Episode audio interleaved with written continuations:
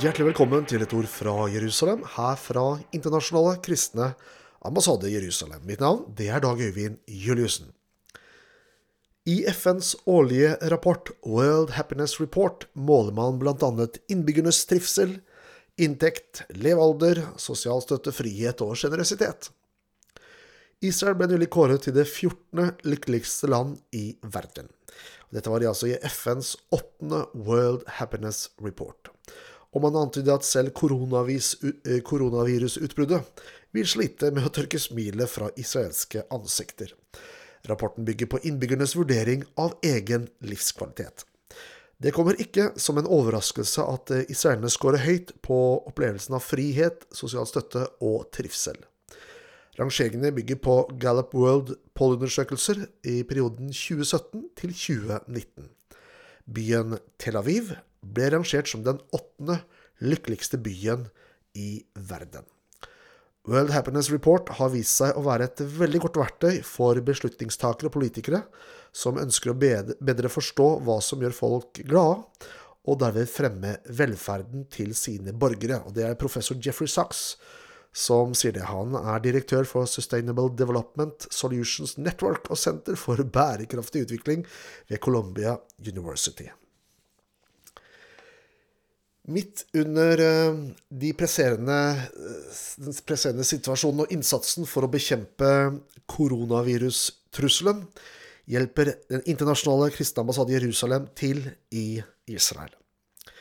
Vi leverer mat til mange eldre israelere som nå er begrenset til sine hjem, og iblant er det også hundrevis av holocaust-overlevende. Vi hjelper også til med å betale hjemreise for jøder fra Russland og eh, Etiopia. Jørgen Bühler, som leder arbeidet vårt i Jerusalem, han sier mens regjeringens tiltak for å bekjempe koronaviruset påvirker hele landet, er jeg glad for at vi er i stand til å hjelpe Israel med å komme seg gjennom denne krisen.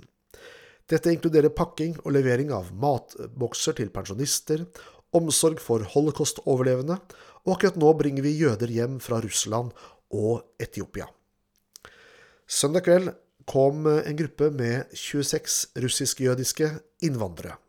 Eh, hjemreisen var betalt eh, av den kristne ambassaden, og de fløy fra St. Petersburg til Tel Aviv. Disse gikk eh, umiddelbart inn i en to ukers selvkarantene pga. trusselen om koronavirus. Denne flyturen markerer 30-årsjubileet for eh, Den kristne ambassades betaling av jødiske familier som reiser hjem til Israel fra det tidligere Sovjetunionen. Tirsdag morgen ankom 72 etiopiske jøder Tel Aviv med fly fra Addis Abeba. Den kristne ambassaden betalte også eh, reisen hjem for alle sammen.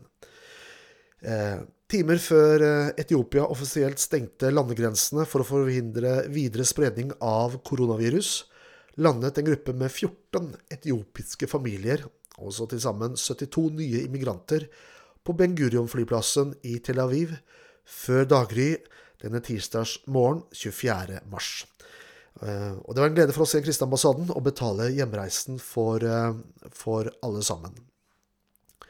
Eh, Jørgen Bühler han kommenterer at vi arbeider innenfor rammene bestemt av Helsedepartementet for å hjelpe israelerne så langt vi kan i denne vanskelige tiden.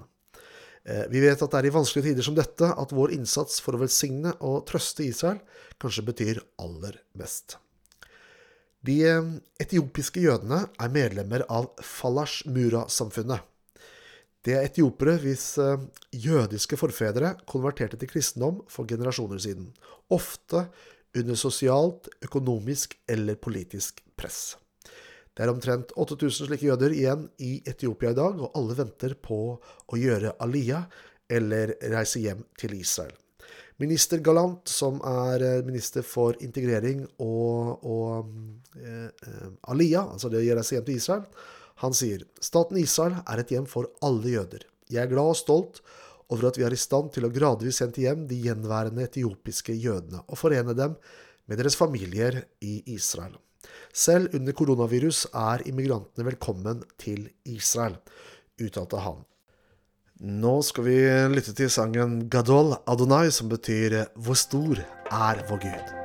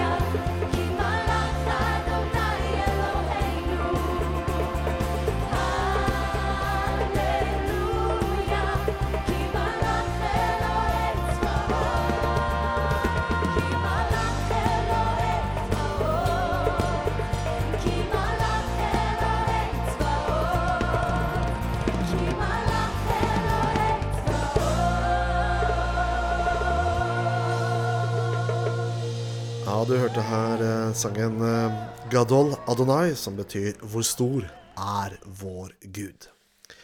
Vi fortsetter med nyheter fra eh, Midtøsten. og Saken er at eh, koronaviruset ser ut til å ramme terroristene hardest. Det ser ut til at eh, koronaviruset mer effektivt enn internasjonale sanksjoner og trusler nå er faktoren som bremser Irans iherdige innsats for å utvikle atomvåpen. Koronaviruset har i alle fall redusert terrorvirksomheten mot Israel betraktelig. Det er ingen statistikk for hvordan koronapandemien påvirker ISIS-tilhengere, og det vil ikke komme noen, da gruppen aldri rapporterer negative data og ikke har noen tilknytning til internasjonale grupper som Verdens helseorganisasjon eller hva skal vi si, den siviliserte verden ellers. Men eh, ISIS ordre til sine tilhengere om å holde seg borte fra Europa betyr ikke bare at de er redde for smitte dersom agentene drar dit, men også at nettverket av tilhengere der sannsynligvis allerede er rammet. Dette gir mening fordi ISIS-medlemmer har en tendens til å være koblet fra den vestlige verden og i større grad kan ha ignorert faren ved smitte. Videre vil ISIS-medlemmer være på vakt mot å ta imot medisinsk hjelp fra myndighetene, da mange er ettersøkt. Iran, og særlig regimets ledere, er kjent for å være rammet hardere enn de fleste. Mest oppsiktsvekkende er det at flere av Irans øverste ledere, inkludert ministre og ledere i revolusjonsgarden, er døde etter smitte av koronaviruset. Hatet mot Israel kan nok ikke stoppes av eh, koronavirus, men eh, viruset ser ut til å begrense hatets uttrykk, nemlig terroren.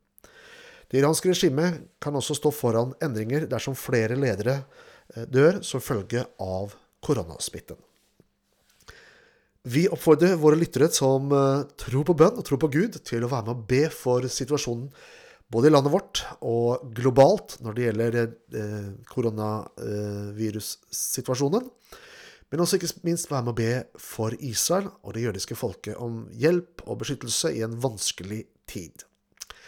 Dersom du har spørsmål som du vil vi skal ta opp i dette radioprogrammet, så kan du sende oss en melding via vår Facebook-side ICJ Norge, og skrive at det er et radiospørsmål. Og så skal vi forsøke å svare på, på det i vårt neste radioprogram. Eller du kan også sende en tekstmelding til, eh, med SMS, altså, til 922 55 922. Jeg gjentar 922 55 922. Om du har spørsmål om Israel eller Midtøsten som du vil at vi skal ta opp i disse programmene Et ord fra Jerusalem. Eh, ellers anbefaler jeg deg å følge våre nyheter eh, på vår Facebook-side, som altså heter ICJ Norge. Der oppdateres det daglig nyheter fra Israel og fra Midtøsten. Og dette vil da, eh, hvis du liker siden vår, så vil dette komme inn i din nyhetsstrøm. Du har lyttet til et ord fra Jerusalem, fra Internasjonale kristne ambassade Jerusalem. Mitt navn det er Dag Øyvind Juliussen, og jeg takker for følget, og så ønsker jeg deg Guds rike velsignelse. Takk for i dag.